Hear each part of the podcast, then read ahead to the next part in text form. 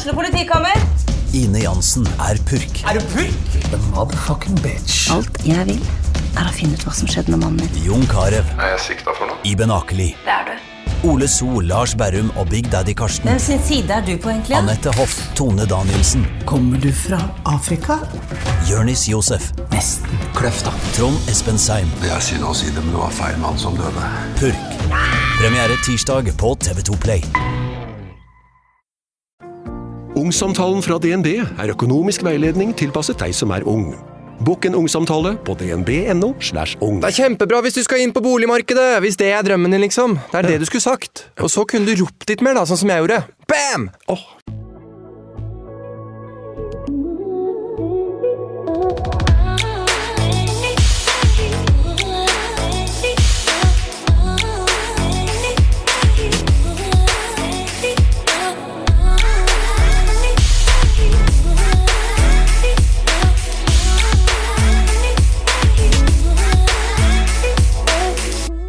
Hvordan er det å komme fra to ulike kulturer?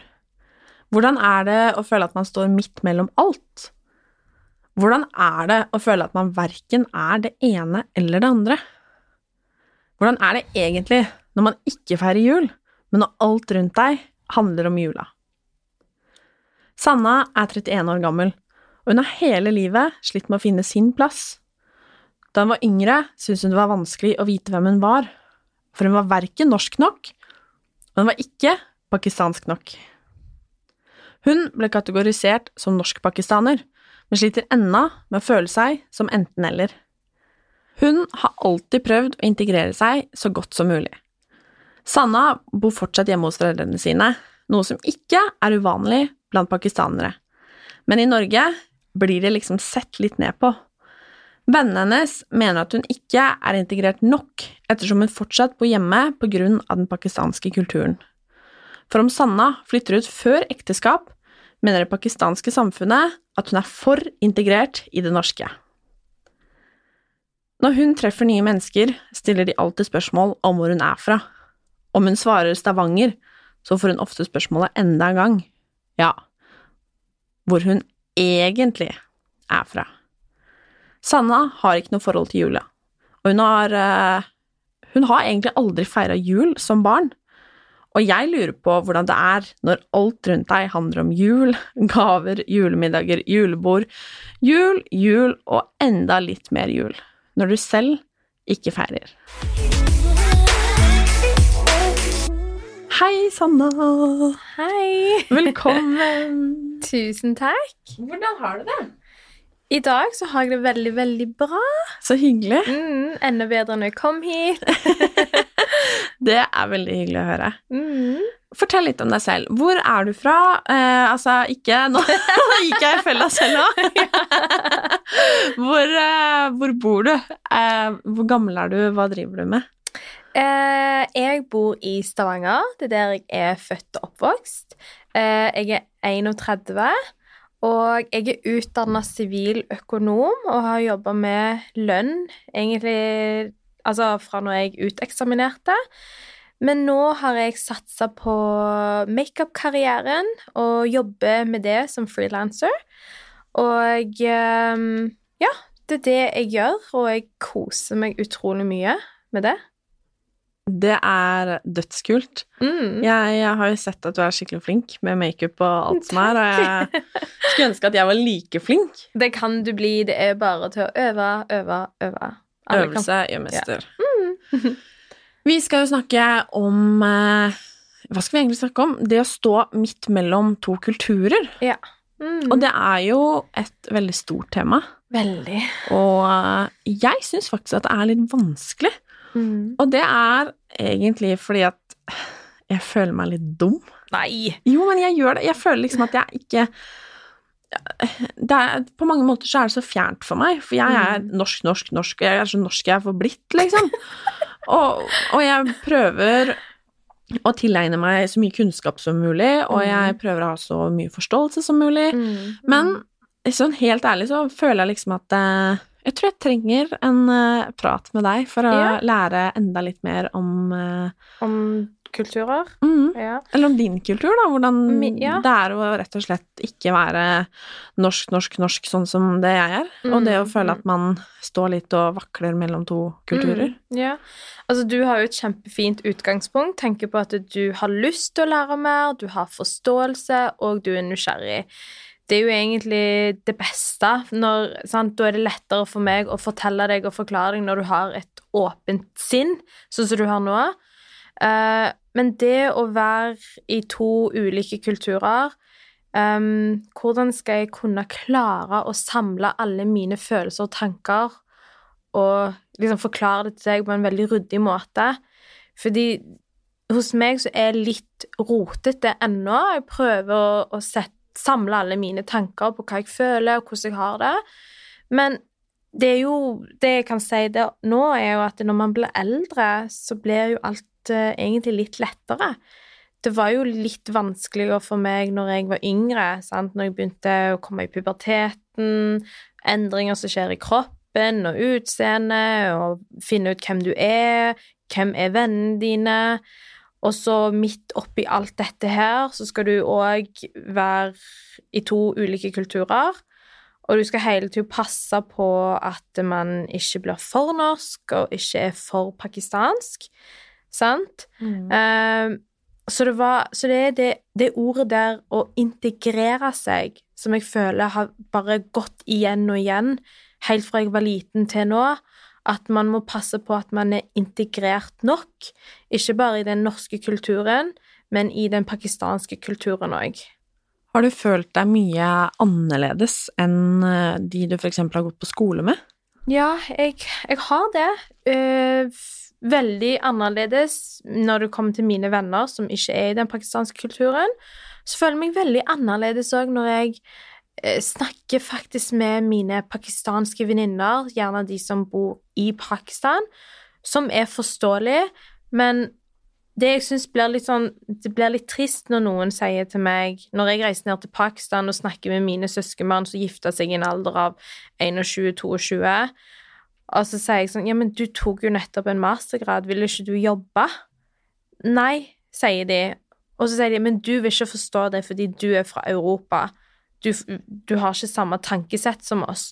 Og så kommer du til Norge, og så har du venner som spør hvorfor flytter du bare ikke ut, Sanna? Du er jo, altså, du er jo 31. Så er det sånn Men jeg må ta hensyn til at mine foreldre kommer fra en annen kultur, en annen epoke, altså en annen generasjon. Og for meg så har det vært utrolig viktig å, å altså inngå kompromiss med mine foreldre, for at de skal skjønne og forstå at Sanna er sitt eget menneske, og at hun har eh, drømmer som den makeup-karrieren som jeg vet veldig mange sier pakistanske familier, som hadde sagt nei, dette er ikke en karriere som du burde eh, prøve å gå for. Jobb heller i bank, vær en lege, vær advokat.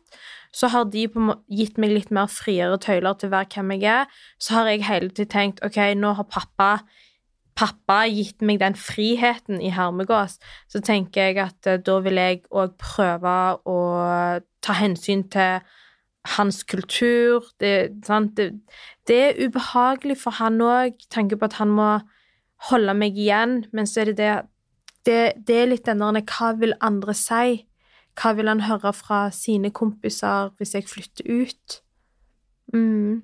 Hva tror du er de største forskjellene mellom de kulturene du på en måte står eh, Eller du har egentlig en fot i hver sin leir, på en Mm, måte. mm. Hva er de største enten utfordringene på en måte du har kjent på, eller som du på en måte møter, da?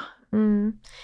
Um, jeg føler i den Og nå snakker jeg for meg sjøl, det, det må jeg bare få sagt, at jeg snakker for meg sjøl og min egen erfaring og min barndom.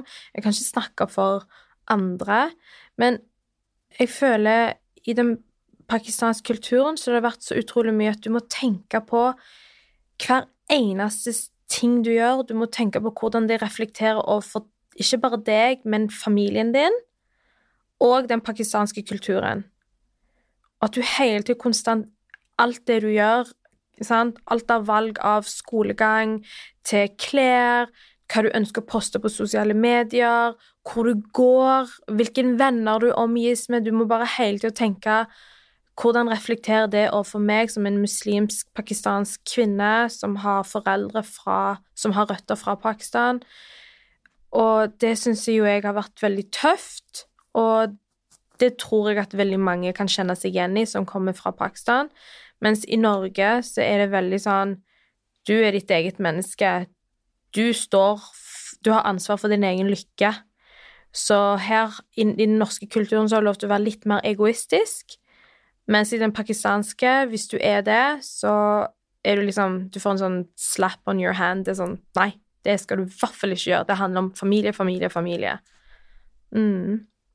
Føler du um, For jeg kjenner meg jo veldig igjen i det du sier om den norske kulturen, liksom. Okay, og det er jo veldig Altså sånn Man skal stå på egne ben, man skal være liksom eh, sterk, man skal følge liksom drømmene sine, man skal bli noe, man skal Ja, du er litt sånn din egen lykkesmed, da. Mm. Og for veldig mange så Og det har jo for så vidt ikke bare noe med Norge å gjøre, har jo ikke kontakt med familien sin i det hele tatt, liksom. Og det er veldig Altså Syns Nei, jeg vet ikke. Jeg syns at det er Fordi jeg, jeg har gått i klasse med mange fra veldig mange forskjellige kulturer, Mm. og så jeg husker spesielt på barneskolen, da gikk jeg med veldig mange, og flere av mine bestevenner da var fra andre kulturer. Og selv om jeg var veldig ung da, så lærte jeg mye om Hva skal man si? Om de forskjellige kulturene, da. Mm. Men jeg husker også og også etter at jeg ble voksen, men det er jo litt forskjell på det å være et barn og å være voksen, liksom. Mm. At det var mye som jeg ikke skjønte. Nei. Jeg husker at jeg um, kunne eksempel stille mamma spørsmål om hvorfor er det sånn? Hvorfor er hun sånn? Det var Mm. veldig rart. Hvorfor spiser de sånn til middag? Mm. At det var veldig mye Altså sånn, det var veldig mange yeah. forskjeller, liksom. Yeah. Jeg husker også sånn som i, i jula så hadde vi alltid en sånn julegudstjeneste før, um, før det ble juleferie. Og da fikk ikke de muslimske som gikk i klassen, lov til å være med inn i kirken Hvem var det de ikke fikk lov av? Var det av foreldrene sine. Ja. Eh, og det husker jeg at jeg Mm. syns var så Altså, hvor gammel var jeg da? Det- Så 14. Åtte, åtte, ni, ti var jeg vel. Oh, ja. ja. For dette var på barneskolen. Ah. Um, at jeg syntes det var så Mm. rart, liksom. For Mm. det var jo for meg så var jo ikke det nødvendigvis noe religiøst. Det var bare en, eh, en ja, en hyggelig tradisjon, Ja, på en måte. ja. Forstår jeg kjempegodt. Jeg, jeg husker det faktisk sjøl at uh, med skolen rett før jul så dro vi til kirken og uh, Ja, og gikk gjennom den seremonien. Men det er der jeg syns det blir litt feil når foreldre sier du har ikke lov til å gå i kirken, men så er det òg at uh, det sånn som jeg har forstått det, at det lærere gjerne har vært ja, du kan komme to timer seinere etter vi har vært i kirken, fordi det er ikke relevant for deg. Og det, og det syns jeg blir veldig feil, fordi mm, jeg går jo i kirka, for eksempel når mine venninner gifter seg, så går jeg i kirka. Jeg syns det er fint å gå i kirka. Jeg har vært i katedralen, og jeg har vært i, i Paris. Jeg syns det er så utrolig viktig, fordi for meg så handler det ikke kun om å lære om min egen religion og kultur, noe jeg fortsatt gjør. Jeg tror jeg aldri blir ferdig med å lære nok. Men det, men det å forstå din kultur og forstå eh, religion, og jeg har absolutt ingenting imot å liksom besøke forskjellige jeg, templer. Jeg syns jo det er bare bra, jeg. Mm. Og det, og det er derfor jeg tror at vi har eh, mindre forståelse, fordi vi setter de begrensningene at nå er jeg muslim, så jeg kan ikke gå i kirken. Hvorfor ikke? Altså, du kan jo gå i kirken, det, det er jo bare det at man skal gjerne ikke si de ordene, man skal ikke tilbe liksom Jesus og så videre, men jeg syns jo at man skal få lov til å gå i kirken og få lov til å forstå deres eh, tradisjoner og hvordan dere gjør det. Akkurat som når vi forventer at dere skal gjøre det med oss, så må jo vi gjøre det samme.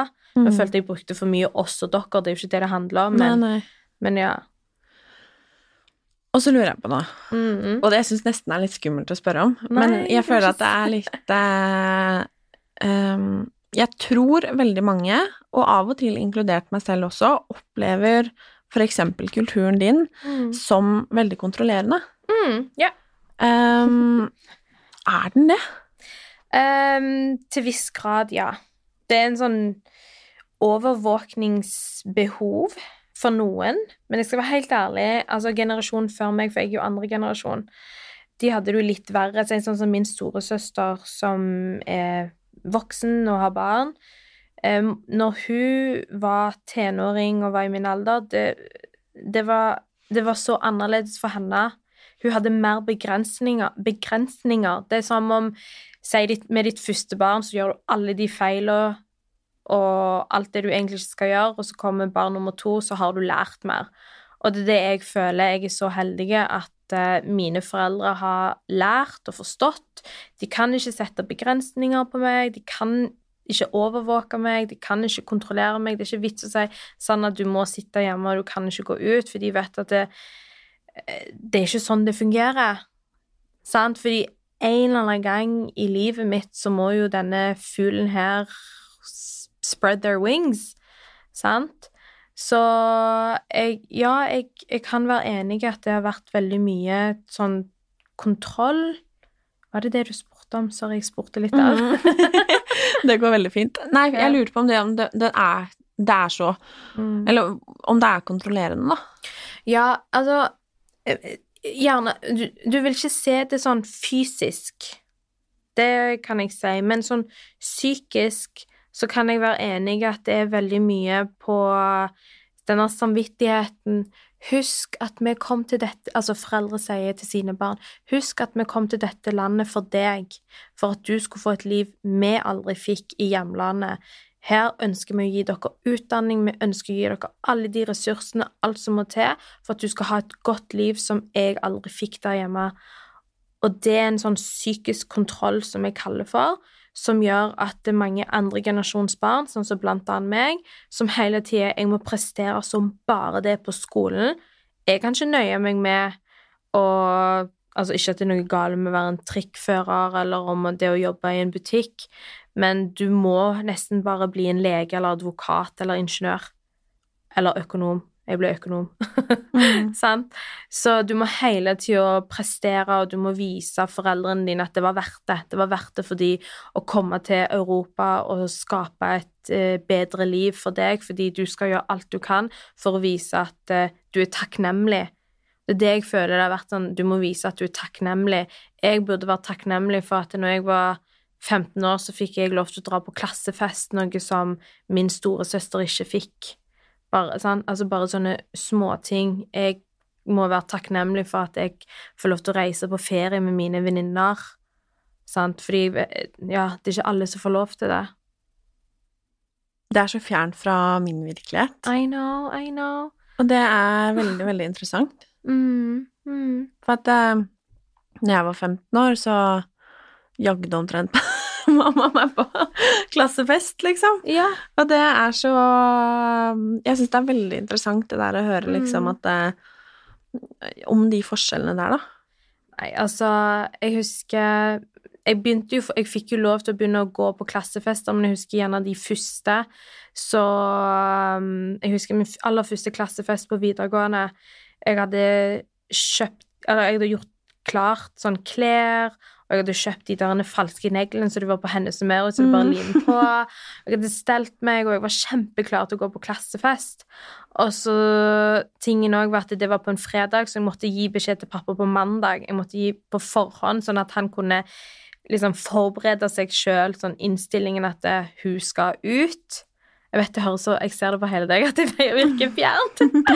men ja, men det var noe sånn Hvis jeg skulle noe, så måtte jeg gi beskjed på forhånd, og det var ikke snakk om å si dagen før eller noen timer før, i hvert fall, for da fikk du et nei.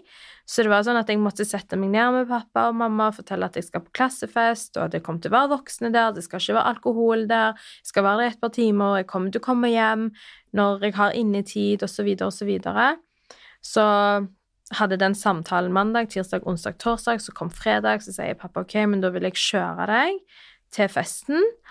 Og så gjorde han det, og når vi kom der, så snudde han rundt. Og jeg bare tenkte what? Og så så jeg det. Det Han så at det var noen gutter som var på vei inn, og de hadde med seg sånn poser, og så var det alkohol i de posene, og så hørte du sånn, sånn de der klinge... Mm. Ja. Så han var sånn Det skjer ikke. Du skal hjem. du skal hjem. Og jeg husker at jeg, sa ingenting. Jeg sa ingenting. Du hørte ikke meg spørre hvorfor. Jeg ble ikke sint. Jeg ble ingenting.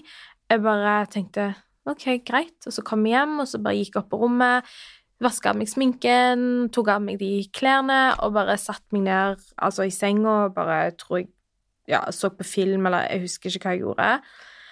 Og etter et par timer så kom mamma opp og spurte om det gikk bra. Og så sa hun jeg er så utrolig stolt av deg at du ikke har lagt noe sånn fast, du har ikke liksom krangla med oss. Så jeg sånn, ja, men vet du hvorfor? Fordi jeg hadde aldri klart å vært på den klassefesten der og kost meg hvis jeg vet at pappa sitter hjemme og er uvel og er bekymra på om drikker Sanna, er hun jeg snakker med Altså, ja, liksom Om det skjer noe dumt og vondt, og så skal jeg fortsette å få telefoner av dere. Jeg kommer aldri til å klare å kose meg. For det var det, det var det, som var av og til, at når jeg var ute og koste meg, så kunne jeg få telefon bare sånn Ja, nå må du komme hjem, eller hvor er du, eller hva gjør du? Så måtte, og så hadde jeg kanskje så mye støy rundt meg. Så var det sånn åh, Da tok jeg ikke telefonen, og da kjente jeg at jeg så, hadde så mye angst, og da tenkte jeg åh, det er bare bedre for meg å gå hjem, for jeg klarer ikke å kose meg. Så det var egentlig det som skjedde. Det var derfor jeg på en måte var så rolig at jeg tenkte det er ikke vits for meg å gå på den festen, for jeg kommer ikke til å klare å kose meg. Har det gjort at du har følt deg utenfor? Veldig. Um, fordi det som skjedde da, var at da ble jeg kjent på som den venninna i gjengen som er ustabil. Sant? Jeg klarer aldri å holde avtaler. Sant? Jeg sier jeg skal komme klokka da, kommer gjerne mye seinere. Eh, eller at jeg ikke kommer i det hele tatt. Eh, og istedenfor å fortelle venninnene mine vet du hva, jeg har en familie som har litt andre regler enn det du har hjemme. Jeg har andre innetider enn det du har, og det er visse plasser jeg ikke er, liksom, får lov til å gå. Eh, så istedenfor å si det, fordi jeg følte nesten at jeg liksom snakket stygt om min far, hvis du skjønner og da følte jeg jeg ga dem ammunisjon på å si åh, faren din er kontrollerende, faren din lar ikke deg leve livet ditt. Så istedenfor at de skulle si noe stygt, så kunne jeg heller bare være sånn Så jeg, jeg ville ikke gå uansett. Jeg eh, var trøtt, jeg er sliten, jeg har ikke behov for å gå der, og hvis du virkelig er min venninne, så burde du bare kommet hjem til meg heller og være med meg. Så jeg satt liksom en sånn en fasade som, for å beskytte min familie, som gjorde at um, jeg mister jo egentlig ganske mange venninner for det er jo veldig dumt å Altså, du driver på avtale, her skal vi treffes, og så kommer jeg plutselig ikke, og så er jeg i tillegg så har jeg den attituden, istedenfor å si unnskyld. Mm. Sant? Så ja, så jeg eh, følte meg utenfor. Det gjorde jeg. Mm. Du har aldri feira ordentlig jul? Nei, jeg har ikke det.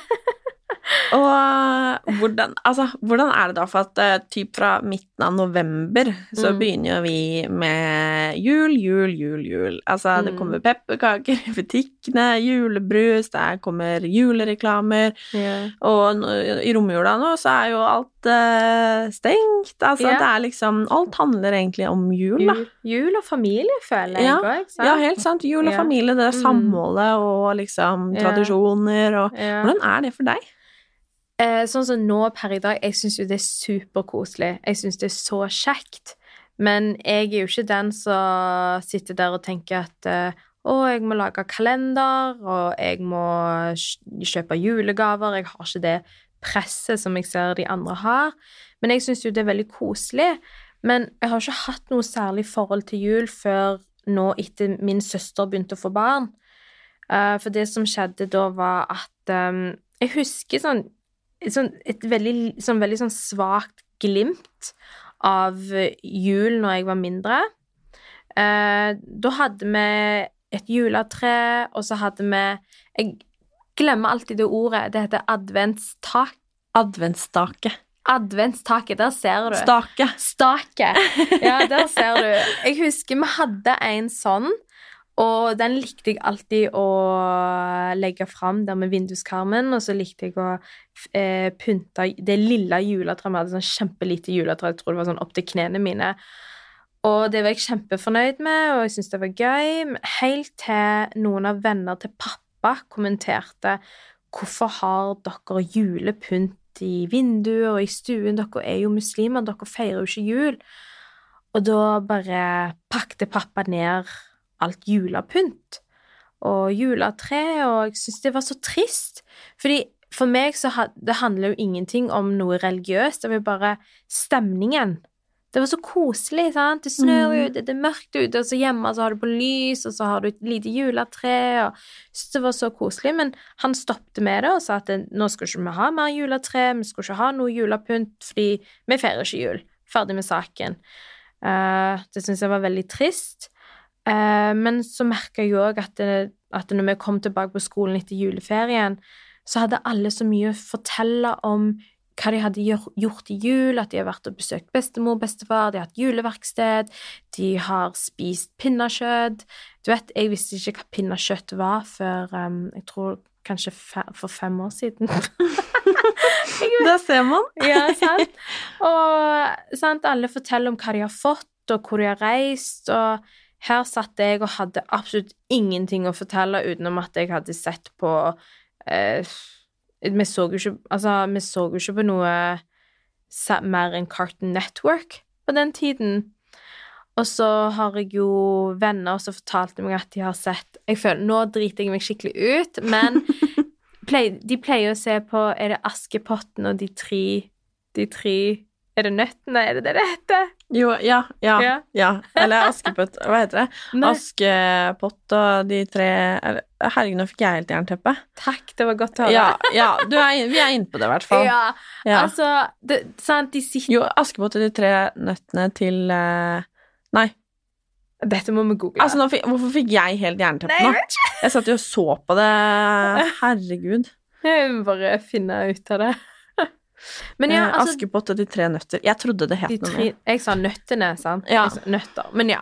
Sant? Altså, når de forteller om det, og jeg føler meg så ukomfortabel, og så blir jeg litt flau òg, fordi jeg blir sånn eh, Hvordan uttaler du det? Fordi jeg sier det jo ikke nok, og jeg har ikke noe forhold til det. Og det var der jeg kjente på den der Det var der jeg kjente at OK, selv om folk sier til meg Ja, men Sanna, du er jo norsk fordi du er jo født i Norge, og du snakker jo språket. Du er jo ikke noe annerledes enn oss. Og så tenker jeg det er akkurat disse eh, episodene her som gjør at jeg ikke føler meg norsk. Sant? Det er når det kommer til å feire jul og julegaver og alt annet som er rundt jul, så får meg til å tenke at nei, jeg, jeg er jo ikke det. Jeg er jo ikke 100 norsk. Sant? Sommerferie òg. Sånn. Ja, hvor du har vært? Jeg har vært på hytta, og jeg har vært på båttur, og jeg bare aldri vært på ei hytte. Vi, har, vi er jo ikke hytta engang. Vi er jo ikke båt. Og når folk snak, driver og snakker om de forskjellige øyene hvor de har uh, hytter, jeg bare nikker og neier og bare mm, mm, mm, Og så googler jeg det etterpå. sant? For det er noe med at man føler seg litt dum. Sant? Det er jo egentlig det. Jeg husker på jobb en gang så satt de og snakket om de syv sort... Er det sortene? Ja, julekakene, Ja, liksom. jule- Eller, ja. Ja. Jeg bare Hva er de syv sortene? Og, og nå tørde jeg faktisk å si Hva er de syv sortene? Så lo de av meg. Og da følte jeg meg så dum, og da tenkte jeg ok, jeg skal aldri spørre om det igjen. Så jeg er alltid sånn, etter jeg har tatt en samtale med en kollega, eller hvem enn det er, så går jeg på Google og bare sånn Hva er det for noe?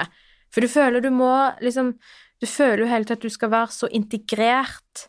Men så føler jeg sånn fra den siden at det, gjerne for eksempel mine kolleger burde jo skjønne og forstå at ja, Sanna snakker språket, hun kler seg sånn som oss, hun snakker sånn som oss, men hun har jo to foreldre som kommer fra Pakistan, som ikke baker de syv sortene, som ikke har den tradisjonen Uh, har de ulike tradisjonene som dere har i romjulen, sant, eller lille julaften. Jeg har jo ikke det. Så hvis jeg bommer litt og ikke klarer å uttale litt her og der, så syns jeg at det skal jo være forståelse. Akkurat det samme som når du spør meg Sanna, hva er det, hvordan føles det, så viser jeg forståelse for at det er en hverdag du ikke er vant til. Mm. Så jeg må jo, må jo forklare. Så ja. Ja, og jeg, jeg tenker litt på det Vi snakka litt om det før vi begynte å spille inn, og litt dette med at du får spørsmål om Ja, hvor er du fra, liksom? Mm. Nei, jeg er fra Stavanger, og så bare Ja, men Sanna, hvor er du egentlig fra? Eller man pakker Ja. det kanskje litt inn, må si sånn Ja, hvor er foreldrene dine fra, da? Ja. Man prøver liksom Og Mm. jeg tror at mye av Eller mange av de spørsmålene som både du har, og som jeg har, Mm. handler mye om eh, nysgjerrighet, for det første. For at eh, for meg så er du eksotisk. Du er supervakker, du kommer fra liksom At, at det er litt spennende. Det er noe annerledes, liksom, og det er jeg nysgjerrig på. Og sånn er det sikkert litt tilbake. Altså, at man, man er jo nysgjerrig, man vil vite, ikke sant. Og så, som jeg sier, at jeg nesten kan føle meg litt sånn dum og naiv når jeg skal sitte her og prate om din kultur, som jeg overhodet ikke kan nok om. Mm. Ikke sant? At det sikkert At jeg også kan føle på det, og hadde jeg vært i ditt selskap, på en måte, så hadde jeg sikkert liksom bare Å, herregud, jeg måtte googla ganske mye, jeg altså. også. Takk og lov for at vi har Google, sier bare jeg. Ja, ja, ja, jeg òg. Ja. Nei, jeg, altså det, det sånn som jeg sa til deg, altså det beste som fins, er jo når man er nysgjerrig. For det er da man eh, Når man er nysgjerrig, så oppsøker man noen. Eh, man stiller spørsmål. Og da syns jeg det er veldig viktig om, om jeg er interessert i å vite om din kultur, eller om du er interessert i å vite om min kultur, at man er egentlig veldig åpen til at den personen er bare nysgjerrig. Det kommer ikke av å være fordi man er, slem, eller man skal ikke tenke sånn 'Å, du er så uviten'. Fordi Det er rett og slett forståelse at eh, du har en annen hverdag enn meg, Martine, enn det jeg har, en, jeg har liksom enn deg. Og eh, valg jeg tar i livet, er jo veldig prega av egentlig måten jeg er blitt oppdratt på, og det samme er med deg òg. Så det er jo det er egentlig det jeg, jeg vil videreformidle, at ikke, ikke bli eh, Ikke bli fornærma. For det er det jeg tror de fleste blir, og jeg tror det er derfor du syns det er litt skummelt å spørre. For du er redd for at du skal fornærme meg. Mm, Sant? det har du nok veldig rett i, at jeg er litt sånn Nesten litt redd for at du skal bli litt sånn sint, Ja. eller tenke bare 'herregud'. 'herregud', Og det liksom. forstår jeg veldig godt, fordi jeg, jeg vet at noen kan bli fornærma. Men da vil jeg rett og slett si at det, da klarer ikke de å sette seg i dine sko. Fordi egentlig så har jeg en upper hand, tanken på at eh, jeg er født og oppvokst her. Jeg har gått på norsk skole, jeg har norske venner, jeg har tatt en utdanning i Norge og jobber på en norsk arbeidsplass. Så jeg lærer veldig mye om jeg vil eller ikke, fordi jeg er hele tiden i kommunikasjon med norske kolleger, venner osv. Mens du er kun i kontakt med meg. Sant? Du, altså, altså, du ser ikke på pakistansk TV, radio, hører på pakistansk musikk. Eh, sant? Altså, du har ikke de samme kanalene som jeg har. Mm. Sant? Så at du bruker meg jeg, bur, jeg burde bare vise en forståelse at eh, du har ikke de, den samme tilgjengeligheten som jeg har. Veldig godt poeng. Og så er det en annen ting jeg lurer litt på. Ja. Dette her med eh, Fordi du bor jo som sagt fortsatt hjemme, Mm. Og fordi eh, at, Om jeg skjønte rett, fordi at ifølge liksom den pakistanske kulturen så skal man gjøre det til man har gifta seg. Mm. Hvordan har, har det på en måte vært når du har vokst opp i Norge, og jeg har eh, Ja, jeg bor jo med kjæresten min, og vi er jo ikke gift. Ikke Mhm. forlova, ingenting. Ehm, og jeg har gjort det siden jeg var herregud 17 år, nesten. For at jeg var stupforelska, og han bodde aleine, liksom, så da ble det naturlig å gjøre det. Og jeg har jo liksom vært med gutter før det også, liksom. Mm. Hvordan har det vært for deg? Å, gud. det har Så jeg var helt ærlig, det var ikke et problem helt til jeg ble rundt sånn 26-27. Jeg syns det har vært deilig å bo hjemme, fordi jeg har alltid tenkt at jeg sparer penger. Jeg sparer penger. Jeg hadde mulighet til å kjøpe bolig eh, før alle andre av mine venninner, og jeg har gjort det sjøl uten å spurt om økonomisk hjelp. Har heller ikke arva noe, ingenting. Men nå som jeg er 31, så merker jeg at det, hvor vanskelig det er å bo hjemme med andre voksne mennesker. Mm. Og det har ingenting med at uh, mamma og pappa er ikke greie å bo med, det er ikke det. Men det er noe med at jeg må finne min egen plass i, i livet, kan jeg si det? Mm. Og det er der jeg føler det ikke er forståelse for, fordi For det, det jeg kan fortelle, at når min mamma og pappa um, var yngre, så er det helt normalt å ikke kun bo med sine foreldre, men besteforeldre, for vi har jo ikke eldrehjem. Sant? Så, når, så for eksempel når dine foreldre blir eldre, så bor de hos deg. Du sender dem ikke på noe eldrehjem. De skal bo hos deg. Og det samme igjen òg, at det som var veldig normalt, var at man bor tett i tett med sine tanter, sine onkler. Altså, si hvis jeg skulle bodd sammen med min bror og min søster, helt normalt at vi bor under samme tak. Men det var andre tider, fordi da måtte man tenke litt på sånn økonomisk. Sant? Og på den tiden òg så fikk man flere barn. Og da var det lettere at man delte tak med sin søster og bror, mor, far, bestemor, bestefar. sant? Eh, men det som har skjedd nå, et skift, og jeg sitter jo egentlig ned med mamma veldig ofte, prøver å forklare henne at det, hvordan det var før, og hvordan det har blitt nå. Hun må oppdatere seg. For her handler det ikke om at eh, mamma, jeg har lyst til å flytte ut fordi jeg vil ha min egen frihet, jeg vil kunne, ha, jeg vil kunne feste, jeg vil ha besøk av gutter, jeg vil ut og drikke. Det, det er ikke det det handler om, men det handler om at hvis jeg har min egen space, mitt eget hjem, jeg får lov til å bestemme hvordan jeg ønsker å dekorere stuen min. Jeg får lov til å bestemme hva, jeg, hva middag jeg vil lage. Jeg vet det, sånn som jeg fortalte mamma. Hvis jeg hadde bodd for meg sjøl, så hadde jeg visst når den, den grønne søppeldunken skal ut, og når den svarte skal ut. Jeg hadde, jeg hadde liksom visst mer om Ok, nå må jeg faktisk sjekke posten hver dag, for det gjør jeg jo ikke når jeg bor hjemme. Jeg trenger jo ikke tenke på når vi sjekker posten, og når vi passer på at den regningen er betalt. Altså, det ansvaret som jeg syns er så viktig at man tar når man begynner å bli voksen, det har jeg måttet forklare til dem, for det, handler ikke om frihet, det handler ikke om at jeg har lyst til å rive meg fra deg som du, du som er min mamma, men det handler om å finne min egen plass, min egen vei. Hvordan, jeg, hvordan ønsker jeg å ja, ha mine puter på sofaen. Altså bare noe så enkelt som det. Og det har, tar litt tid. Det har vært en prosess å forklare dem, og de begynner å forstå det litt og litt. Så jeg håper jo når 2020 kommer, så er jeg i min egen leilighet.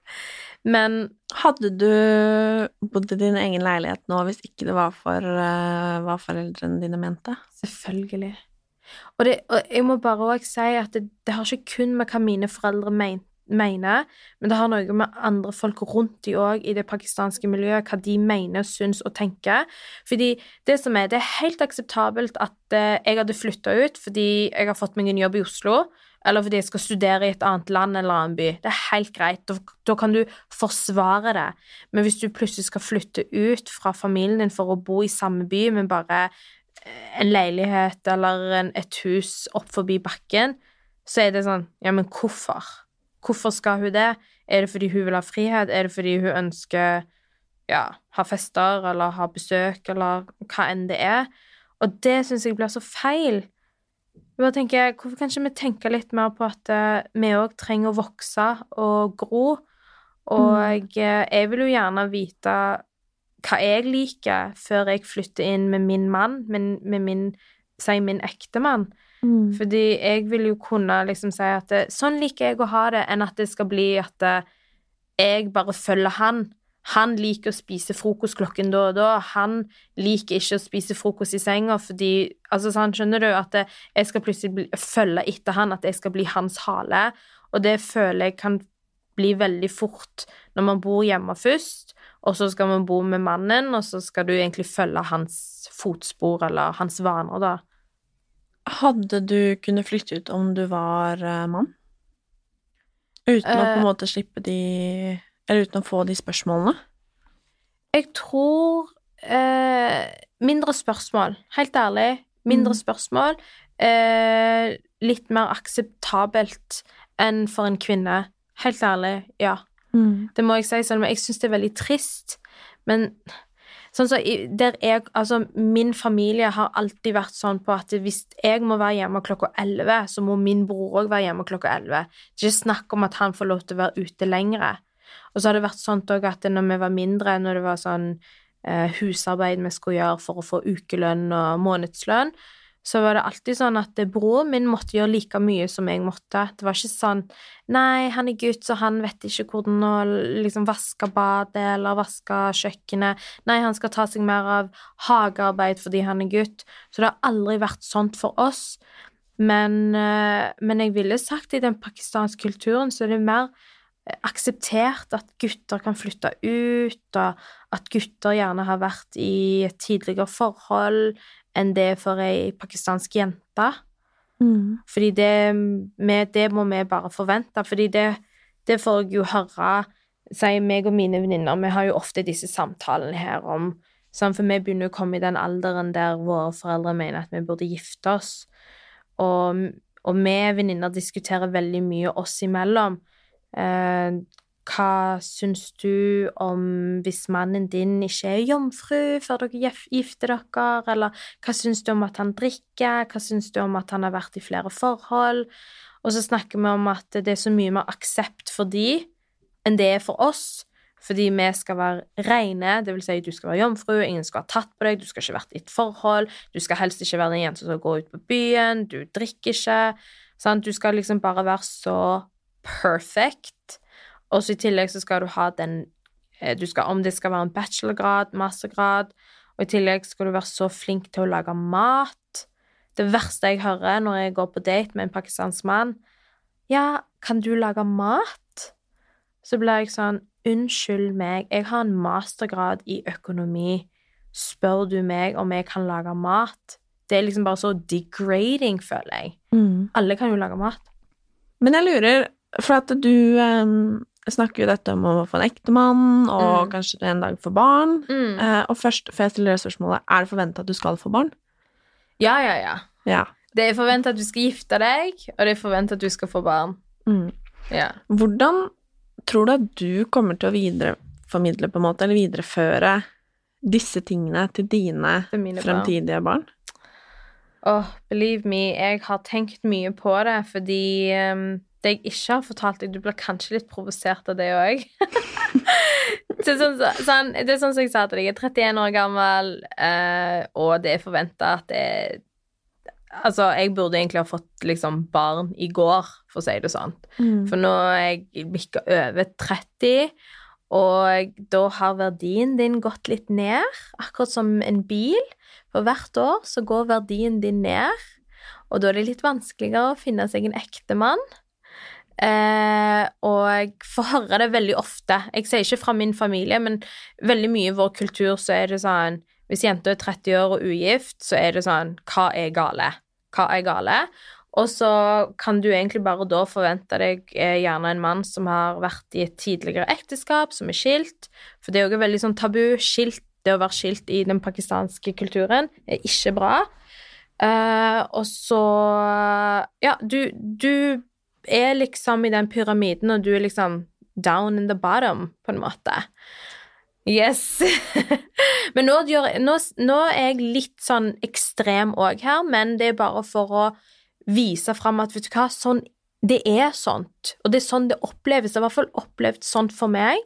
Eh, som, fordi min mor har jo eh, Jeg har takka ja til noe som heter arrangert ekteskap. Ikke Har du takka ja til det? ja, jeg har, sagt, jeg har takka ja på en måte, og det vil si Jeg har sagt ja til prosessen.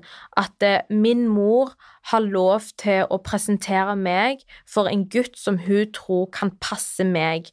Så basically, et arrangert ekteskap er der Si min mor er i kontakt med en annen mor, og hun har en sønn, og mamma har jo en datter, altså meg, og så sier de OK, tror du de to kunne passe sammen? Ja, OK, la oss linke de opp. Så da sender de oss på en date, og så har vi den daten, og etter den daten så bestemmer vi om, eh, om vi har lyst til å date igjen, eller om vi ikke ønsker det. Og det er det som er et arrangert ekteskap, at jeg og han får lov til å møte hverandre først sjøl, finne ut liker vi hverandre, ønsker vi et second date or not, og så går vi hver sin vår vei hvis vi ikke ønsker det. Det er sånn jeg holder på med mine venninner. Ja, men her er det våre mødre som har sånn eh, det er så løye. De har sånn møte sånn en gang i måneden der alle mødrene blir invitert hos en dame. Jeg kaller hun for Pimpen. Det er bare for løye. Jeg bare kaller hun for Mm. liksom Pimpen vår, fordi hun har jo absolutt Det er ikke sånn at alle sender inn en CV til henne. En søknad, en CV, der det står Er det kødd? Nei, jeg mener det! Jeg ser det på hele deg, du er helt overraska. Nei, så da sender du inn en sånn CV, og så der står det eksempel Sanna Kursi, 31 år gammel, utdanna siviløkonom, høyde Ikke vekt, men høyde, og et bilde av deg.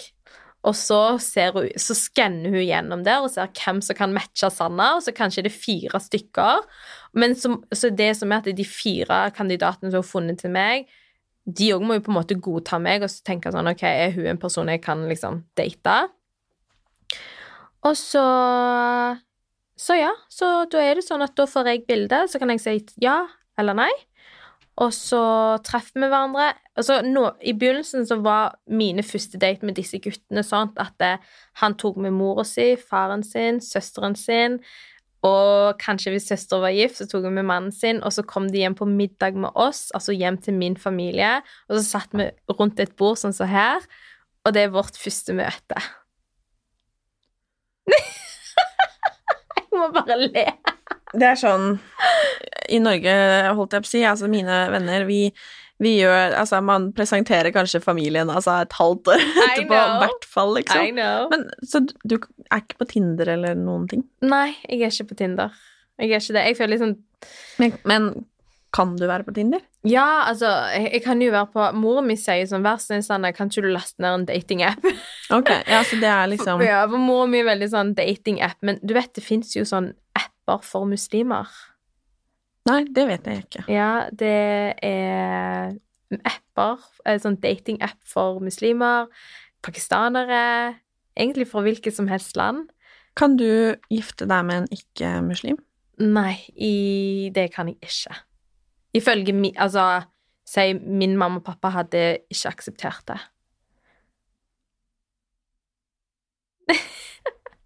Jeg blir litt stille, for at det er så Det er, Det er for mye for deg. Ja, det er det nesten er det. Jeg forstår det. For at det er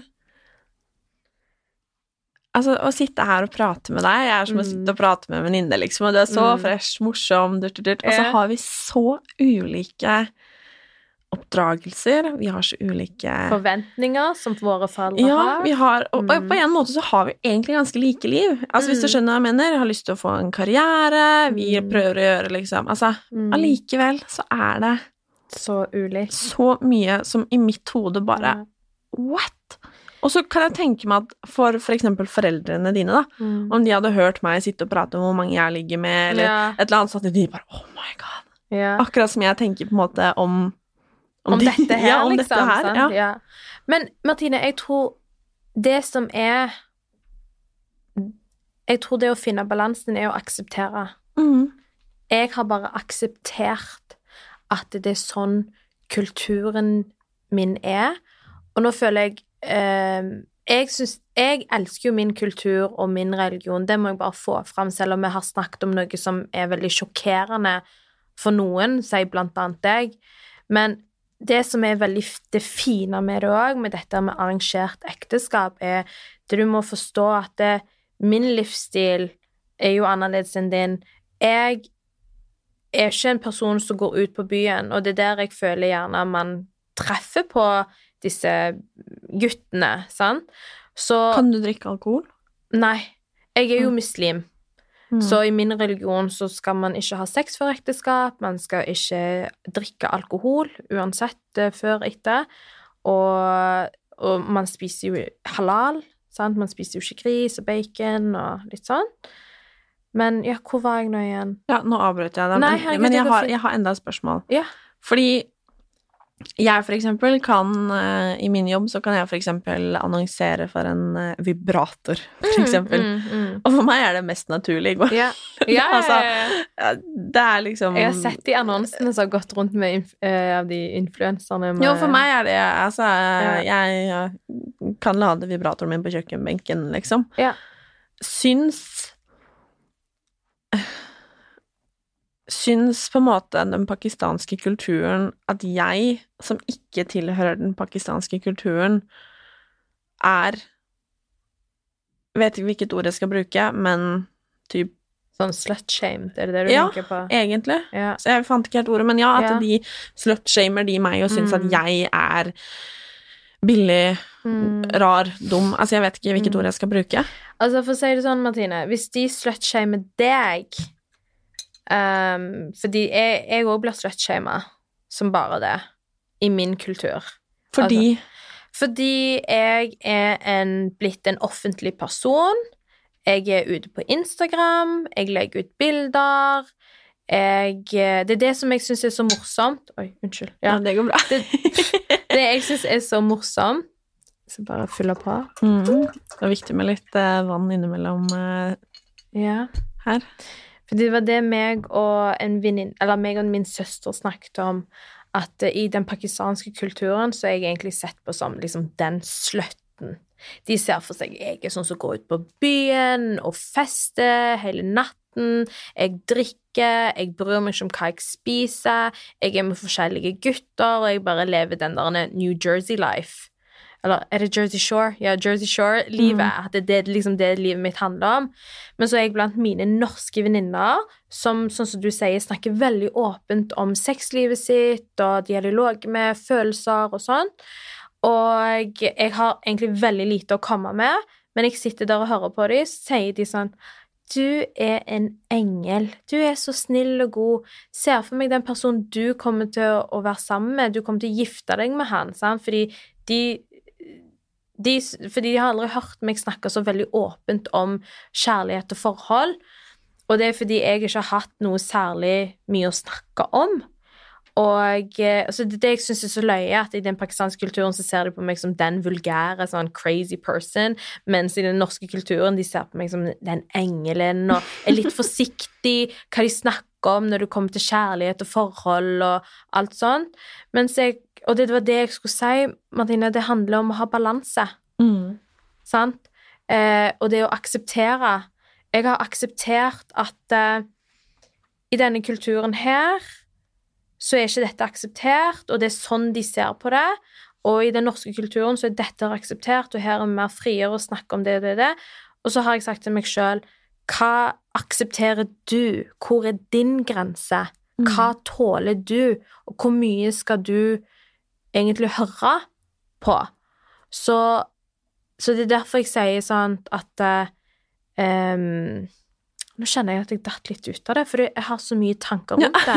Jeg òg har veldig mye tanker, Ja, tanker rundt det. men, men, så, men det er derfor jeg sier sånn at det, når, min, når jeg takka ja til den, det med arrangert ekteskap, fordi jeg syns, faktisk det var en veldig fin måte for meg Jeg sier ikke det passer alle, men det passer meg fordi for meg så har det vært litt vanskelig å vite hvor jeg kan treffe på en, en mann som jeg gjerne ser for meg at jeg vil gifte meg med. Fordi jeg er ikke en person som går ut på byen. Og det er ikke, jeg sier ikke nødvendigvis at man trenger å gå ut på byen for å finne seg en mann som man vil være i et forhold med, men jeg, har, jeg er ikke på de sosiale settingene der man kan treffe på noen. Sant? Og det kommer jo gjerne litt av min oppdragelse og begrensninger jeg har hatt, og når det kommer til fester og litt sånn. Så jeg syns dette var en veldig fin måte å treffe på en gutt som jeg kan date, som jeg kan se om det er noe videre, om jeg ønsker å gå med. Men, så det er derfor jeg sa til mamma det går helt fint, jeg, jeg stoler på deg, jeg vet at, eh, at eh, du, du vil finne en til meg som du mener passer meg.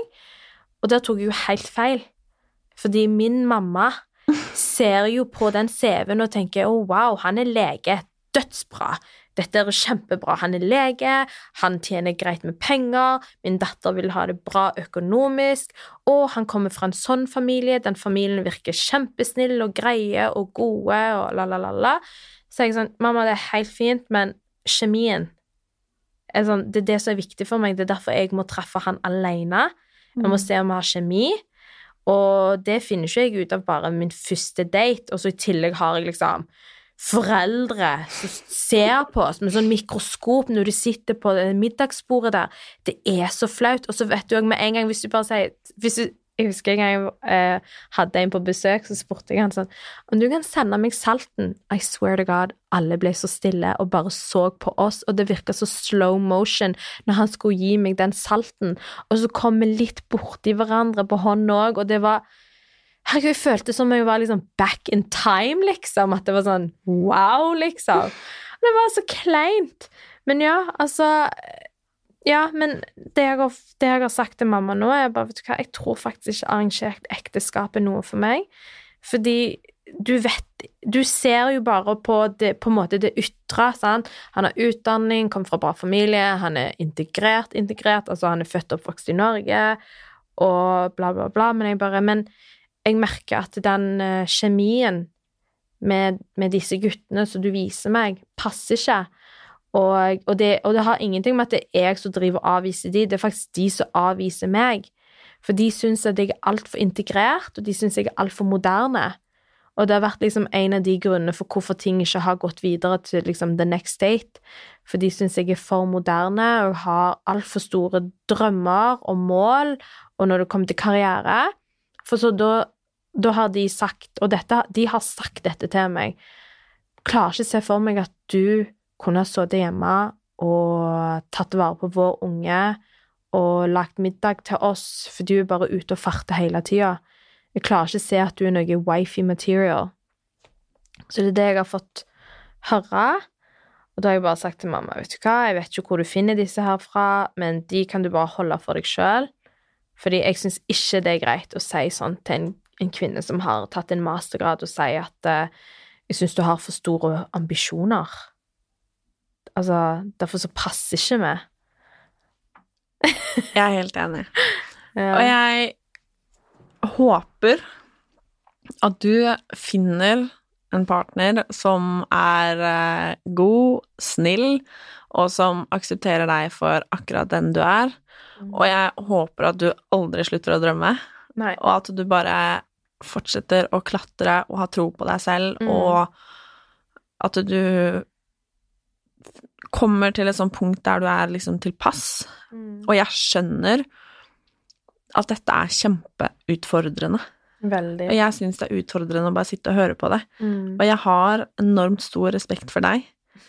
Og jeg er så takknemlig for at du ville komme hit og lære meg og tilegne meg kunnskap og svare på de spørsmålene jeg har. Og egentlig så har jeg en haug av flere, og jeg må bare nesten summe meg litt, nesten. Ja.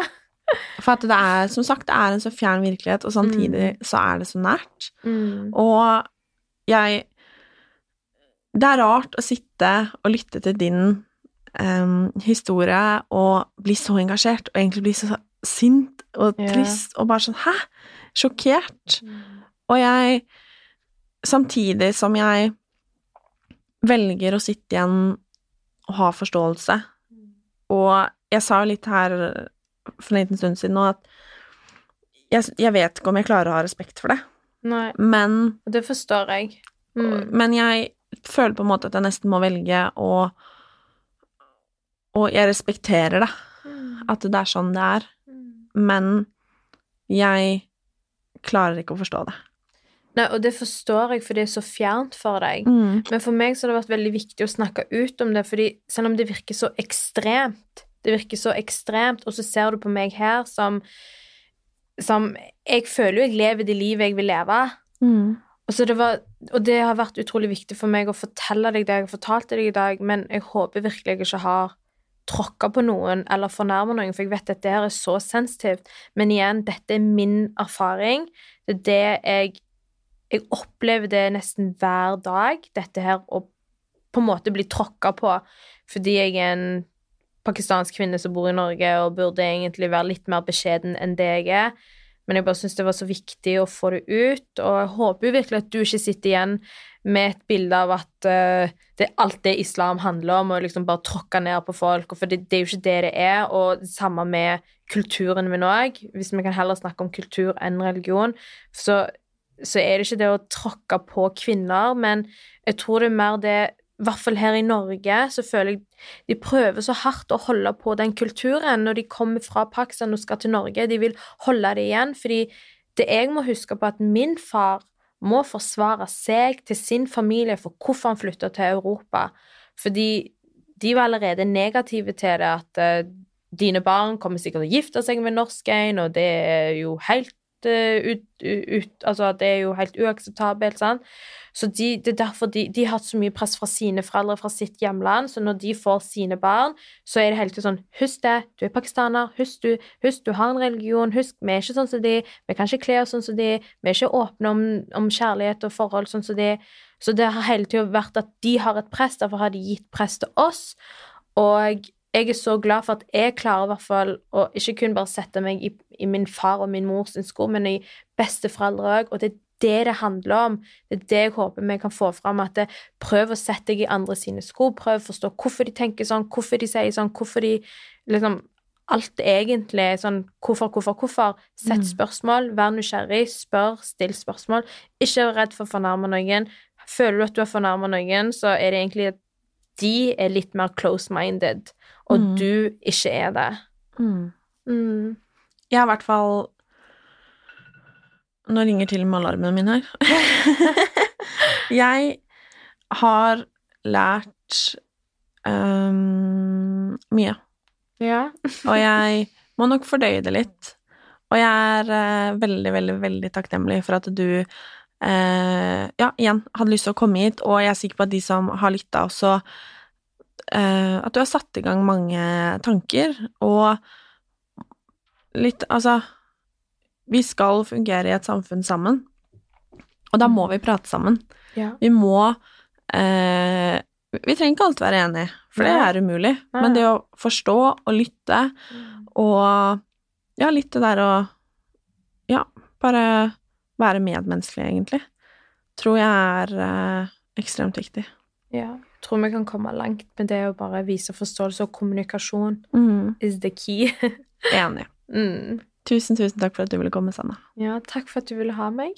Det var en ære. Mm, Takk for meg.